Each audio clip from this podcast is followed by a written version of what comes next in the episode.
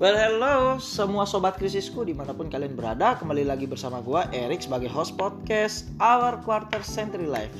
Uh, So podcast ini gue masih mulai sendiri ya. So memang ini murni dari pemikiran gue Dan kalau misalnya ada salah Kalian jangan ambil salahnya. Kalau ada benar silahkan diambil benarnya ya. So hmm, kita mulai ya jadi di umur-umur segini memang beberapa dari kita milenial ini, ini pasti punya semangat yang membara dan uh, pastilah punya pemikiran sendiri ya. Kalau misalnya mau buat sesuatu misalnya nih pas kuliah nih kuliah nih. Wah gue mau ngincar nilai A deh terus cum laude. Atau misalnya pas kuliah nih. Ah gue pengen banget nih sambil kuliah dapat cuan. Pengen banyak duit lah aliasnya kayak gitu atau misalnya oh gue pengen punya banyak duit di kuliah tapi gue maunya mulainya dari bisnis. Gue gak mau misalnya kayak kerja freelance sama orang atau semacamnya ya kan? Ya bisa dikatakan setiap orang pasti punya goalnya masing-masing kali ya. Tapi di satu sisi ini pasti kita pasti punya pertanyaan lah gitu. Pertanyaannya kayak hmm, gimana sih caranya gue capai cita-cita gue dalam artian ya kayak gue mau nilai A. Gue harus ngapain nih buat nilai A ini? Terus misalnya gue mau cum laude. Gue harus ngapain nih biar gue bisa cum laude? Kayak gitu. Atau misalnya kayak tadi gue pengen punya banyak cuan. Ya terus lu mau ngapain uh, untuk buat cuan ini jalan ke kamu gitu loh. Nah kayak gitu. And then uh, mungkin satu pertanyaan lagi yang bakal menghantui kita kayak contoh kalau misalnya kita pengen misalnya nih kita pengen mulai bisnis di kuliah pas lagi kuliah tapi kita ini nggak punya modal gitu loh. Uang jajannya selalu kepake habis. Nah kalau mau mulai bisnis kan pasti otomatis ya harus punya modal yang pertama. Nah kira-kira kalau misalnya nggak punya modal kita ngapain dulu nih? Nah istilahnya kayak kita sudah ber kekeh kekeh dalam mau bisnis tapi gak ada duit ya kita harus ngapain? Misalnya kerja freelance dulu. Padahal tadi di awal udah ngomong gak suka freelance. Atau tetap kekeh misalnya pinjam uang bank atau pinjam uang saudara kayak untuk mulai bisnis. Nah itu so di sini uh, bakal lebih membahas soal pemikiran yang idealis atau misalnya realistis. Nah, buat listener gua nih, um, gua mau nanya dulu deh, seberapa realistis sih kalian? Atau misalnya seberapa idealis sih kalian? So kalau dari gua, gue cerita dulu deh. Dari gua nih,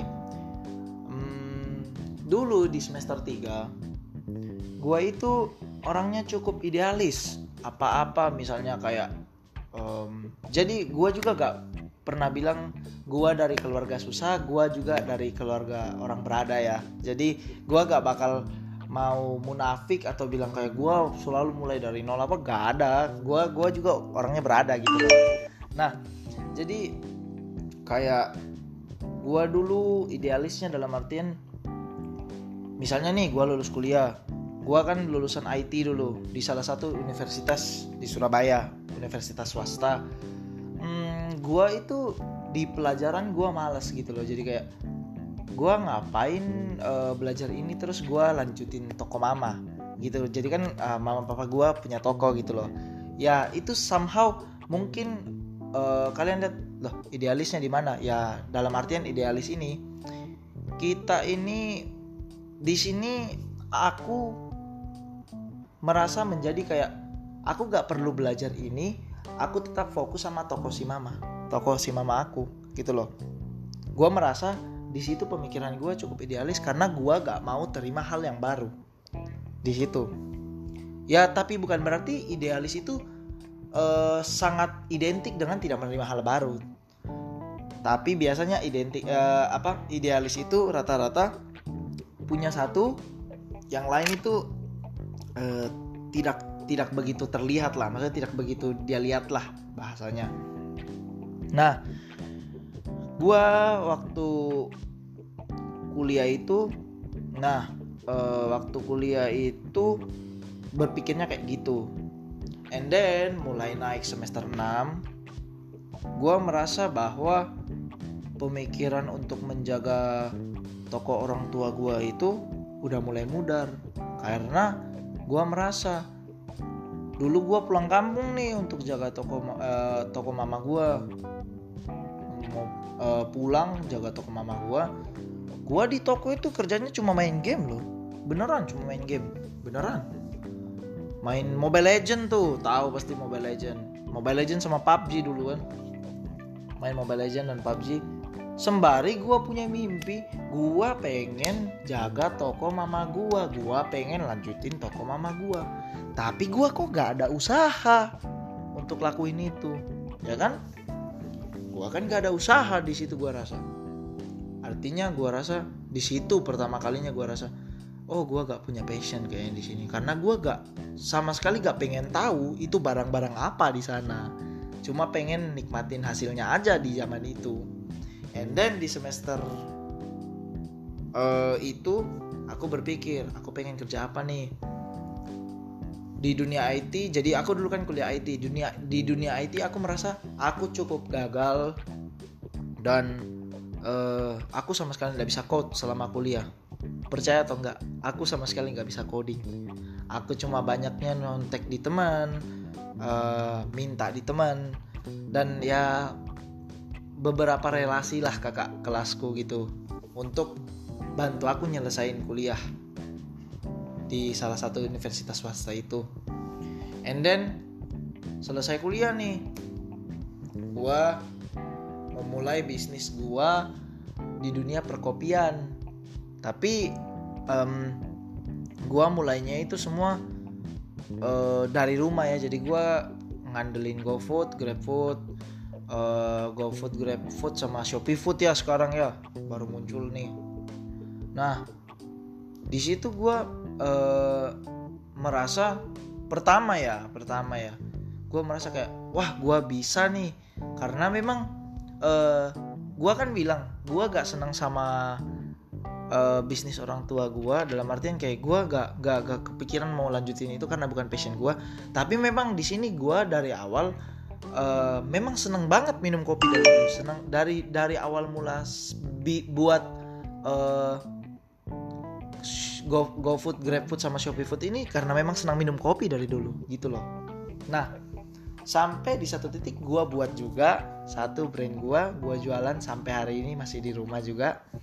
Karena gue istilahnya gue itu pada saat idealis itu gue cuma kayak berharap uh, eh, gue kerja ini barang langsung sukses gitu loh. Idealis dalam artian gue tidak mau cari pengalaman sama orang lain gue langsung kerjain ini gitu. Nah saat gue ngerjain ini ternyata memang apa ya gue merasa bahwa pengalaman kerja gue dan pengalaman istilahnya ketahanan dalam bekerja juga itu berkurang. Istilahnya bukan berkurang ya kayak istilahnya tidak setahan orang kerja orang yang di kantor. Why? Karena kalau misalnya gue jadi CEO jadi kan ya ceritanya gue jadi CEO nih di perusahaan ini. Bukan perusahaan ya kayak gue CEO lah di brand ini gitu. Gue merasa kayak ya gue mau kerja sama mau gue gitu gue mau bikin kontennya semau gue nah di situlah gue merasa bahwa gue ngerjain ini barang memang ngasilin duit bener ngasilin duit.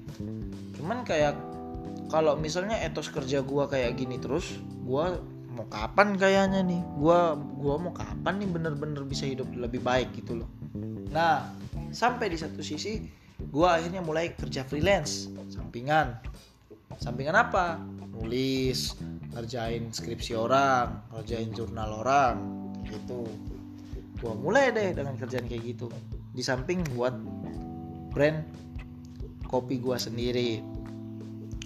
Well awalnya memang uh, bagus sih. Jadi kayak um, di situ gua rasa bagus karena lancar dulu ya. Orang sering pakai jasa gua gitu.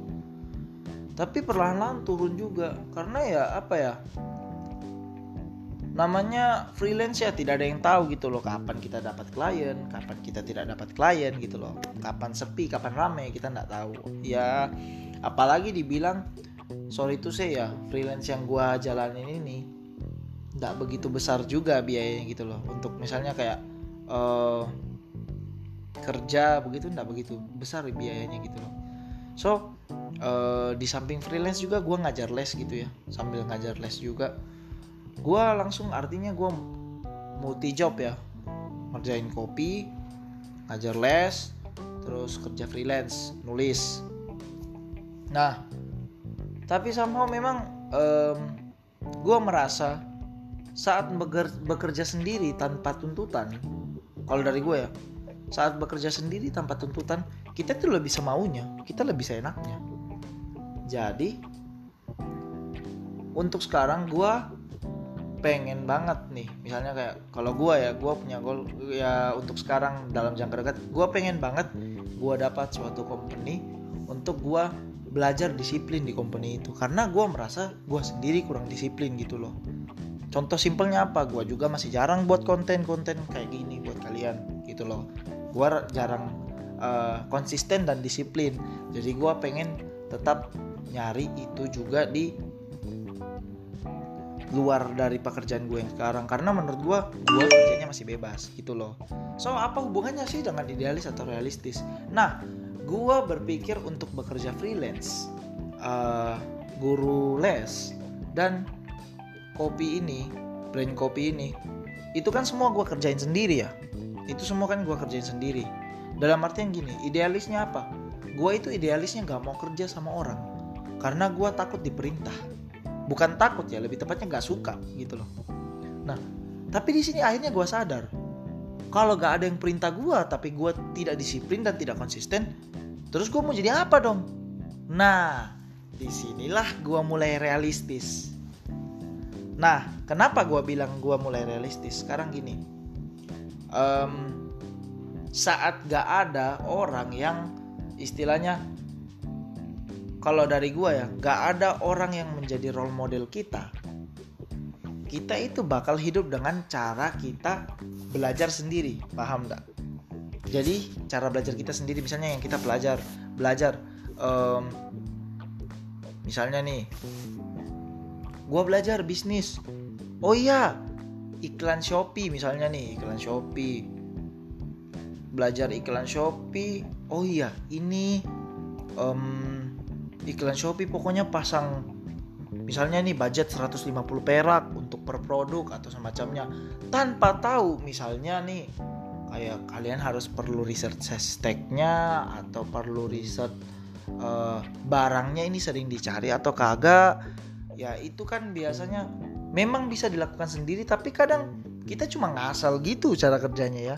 Kadang ngasal cuma kayak pakai feeling aja nih pakai feeling aja nih ya gue mau pakai ini. Gue gua gua mau uh, bikin produk ini pakai kata pencarian ini. Budgetnya 150 perak 5000 modalnya per hari deh misalnya.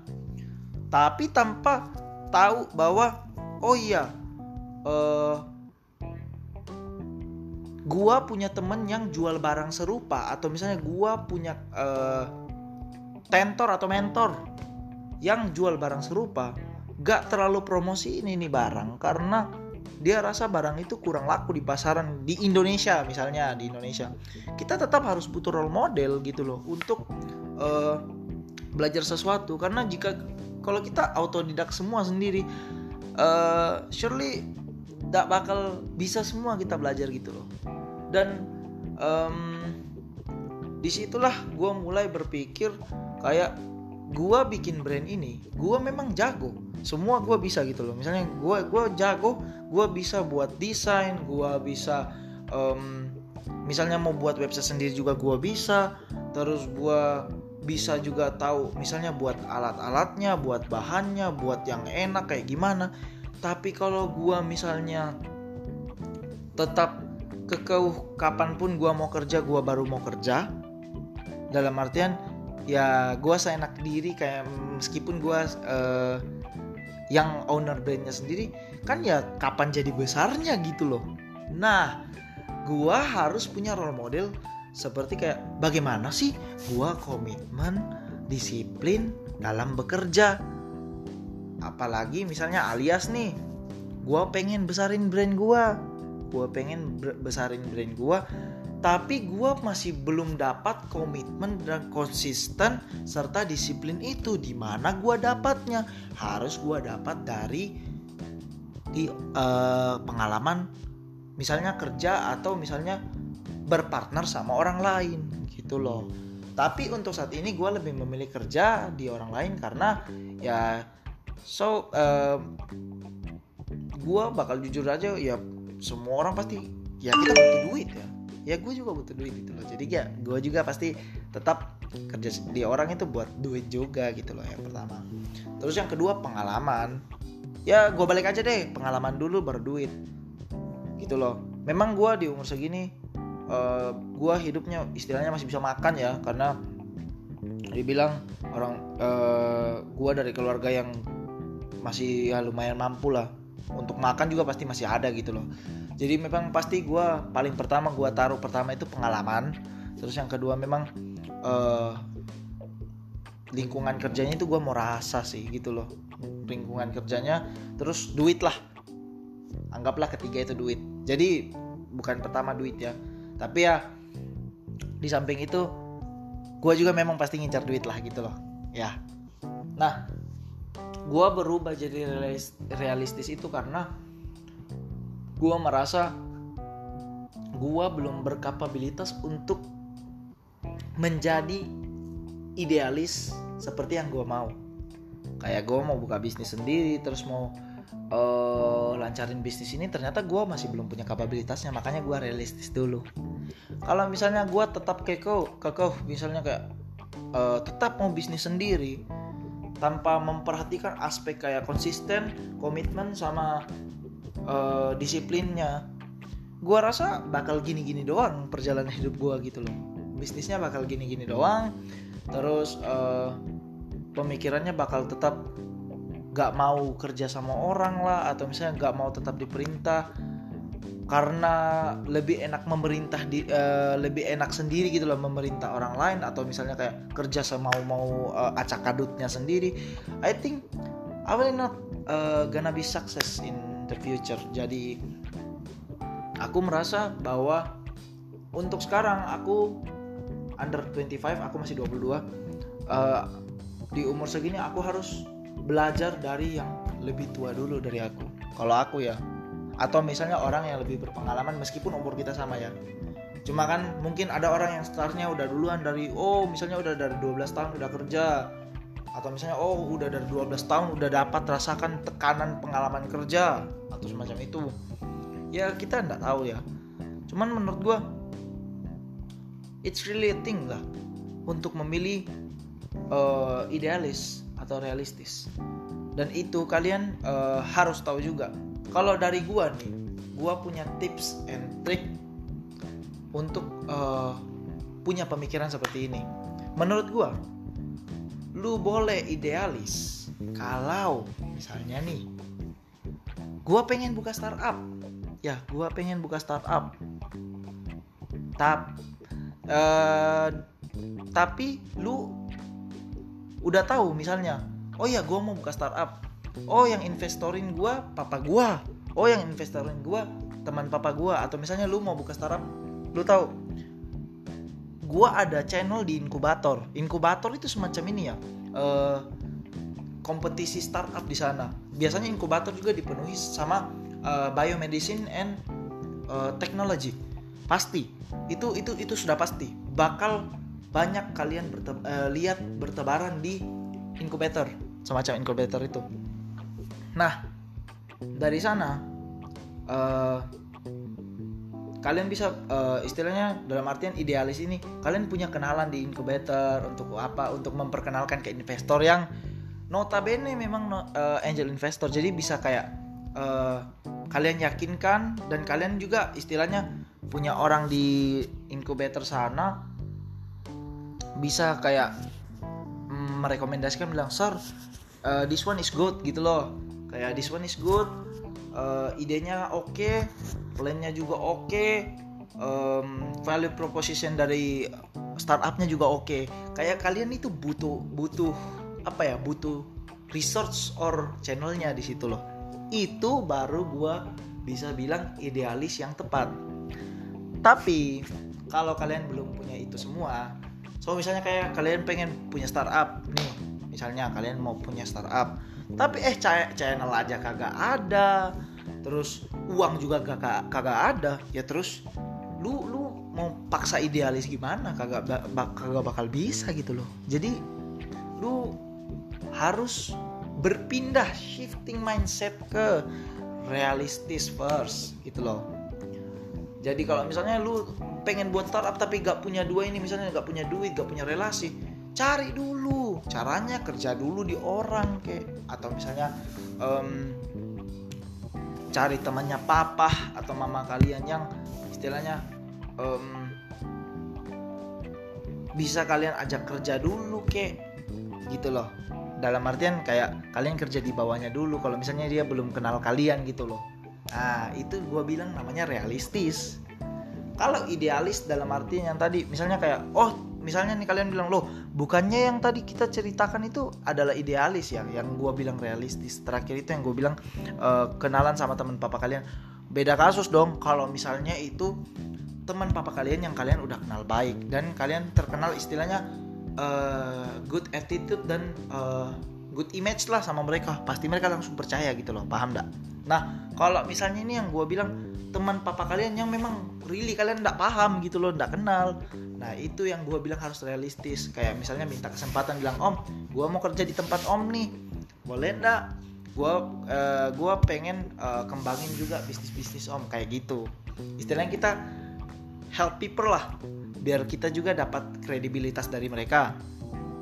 Nah makanya dari itu gue bilang kalian harus benar-benar berhati-hati dan lebih uh, jeli lah dalam memilih prinsip kalian untuk uh, prinsip atau pemikiran kalian untuk realistis atau idealis. Karena memang itu sungguh berat ya menurut gua. Itu sungguh bener uh, itu sungguh berat di awal-awal kita apalagi mau baru masuk ke 25 tahun itu sungguh-sungguh berat. Seriously.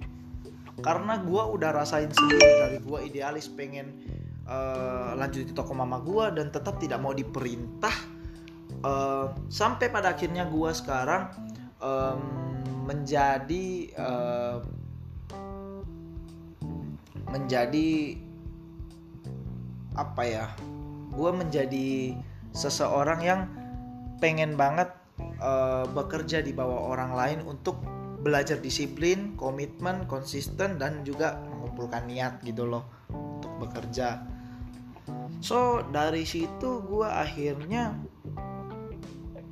ya di umur 22 gue ini ya which means ini bakal akhir tahun ya, ya tahun depan gue 23 sih. Gue bakal tetap kepada prinsip realistis gue untuk mencapai tujuan gue dulu sementara. Karena gue merasa jika gue mau lakukan itu secara idealis um, gue harus punya resource-nya dulu gitu loh. Jadi untuk saat ini kalian harus nentuin pilihan kalian dengan teliti, dengan cermat, terus kalian juga harus ya dalam artian pakai feeling juga ya kalian itu pengennya kayak gimana gitu loh. Kita nggak bisa maksain. Lu kalau misalnya memang tetap mau idealis ya nggak bisa dipaksa. Lu bakal tetap jadi idealis. Tapi kalau lu mau jadi realistis ya nggak bisa dipaksa juga. Lu tetap bakal jadi realistis gitu loh. Jadi kalian yang bisa memilih sendiri. Kita nggak bisa uh, aku nggak bisa nyaranin yang terbaik tapi gue cuma bisa kasih lu menurut pengalaman gue gue cuma bisa kasih lu tips and trick tapi gue gak bisa pilih yang terbaik. Misalnya gue pengen pilih idealis terbaik atau gue pengen pilih realistis yang terbaik. Kagak ada yang baik. Semua itu adalah pilihan kita. Dan semua itu adalah um, perjalanan hidup kita. Jadi kalau misalnya kalian pengen sesuatu tapi kalian belum punya resource silahkanlah kalian realistis mencari dari paling bawah. Misalnya kayak belum punya resource cari dulu dari kenalan-kenalan jauh kenalan-kenalan uh, kenalan dekat gitu loh. Biar kalian dapat resource. Kalau misalnya kalian mau idealis silahkan. Yang penting kalian udah yakin uh, resource kalian itu bakal tolong kalian. Itu aja sih kalau dari gua. So mungkin ini udah jam 9 lewat 12 ya so mungkin kita bakal akhiri podcast kita di sini jangan bosan-bosan dengerin podcast gua hmm, aku harap podcastku bakal lebih mengeduket kalian di podcast-podcast berikutnya Well, thank you sobat-sobat krisisku. Selamat malam.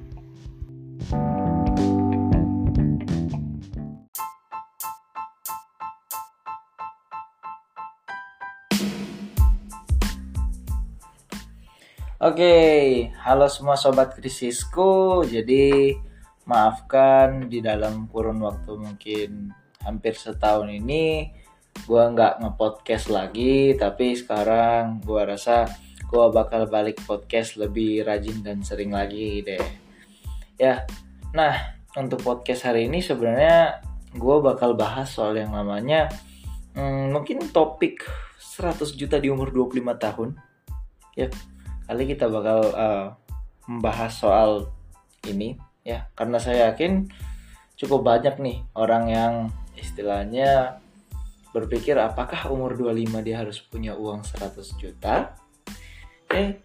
Nah, uh, banyak nih ya, bukan hanya bukan hanya gue juga, pasti kalian-kalian juga.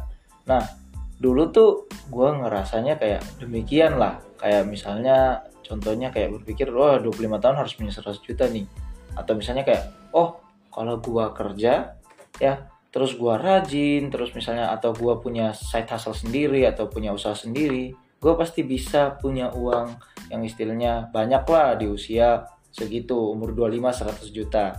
Tapi benar gak sih itu kalau kira-kira kita bilang ya umur 25 bisa nggak sih 100 juta? Ya jawabannya bisa-bisa aja karena ya beberapa apalagi sekarang kalau kita lihat influence-nya TikTok ya itu influence-nya TikTok banyak banget yang istilahnya umur 25 bahkan belum umur 25 umur 20 udah 100 juta.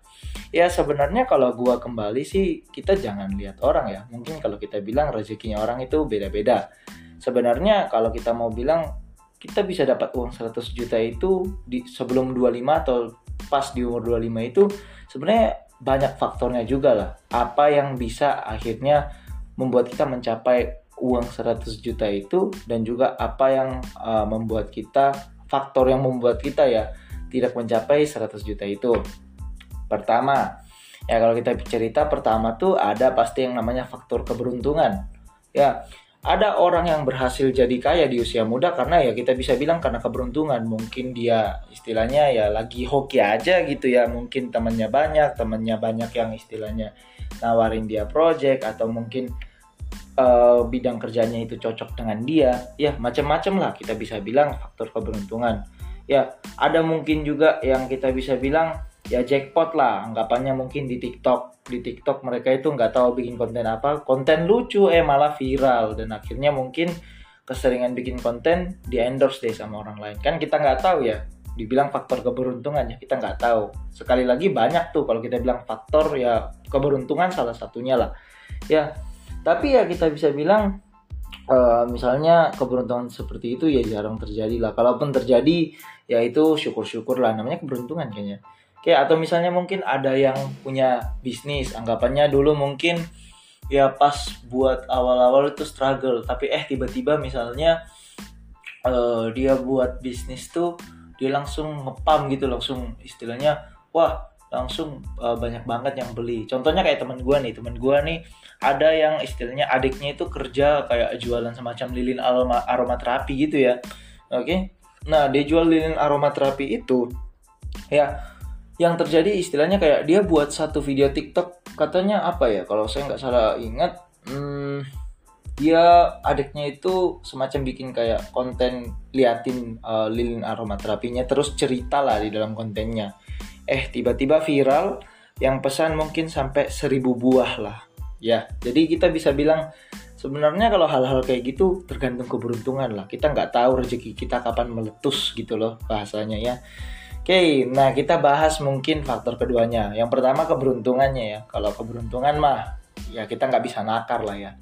Oke, faktor kedua kita bisa bilang ya kerja keras dong.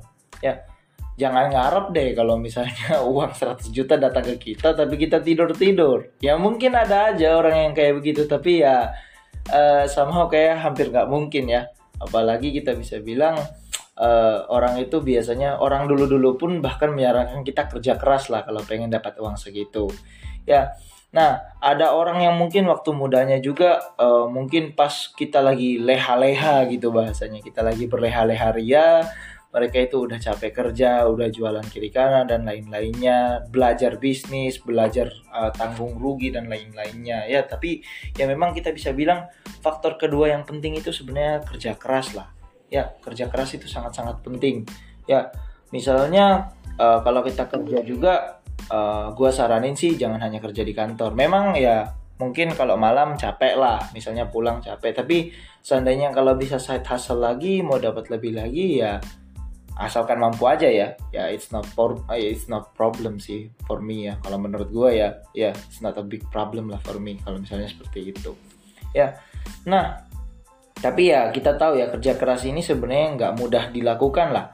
Karena uh, ya istilahnya butuh waktu yang lebih dan juga istilahnya pastilah di sini jam tidur terkorbankan ya oke okay?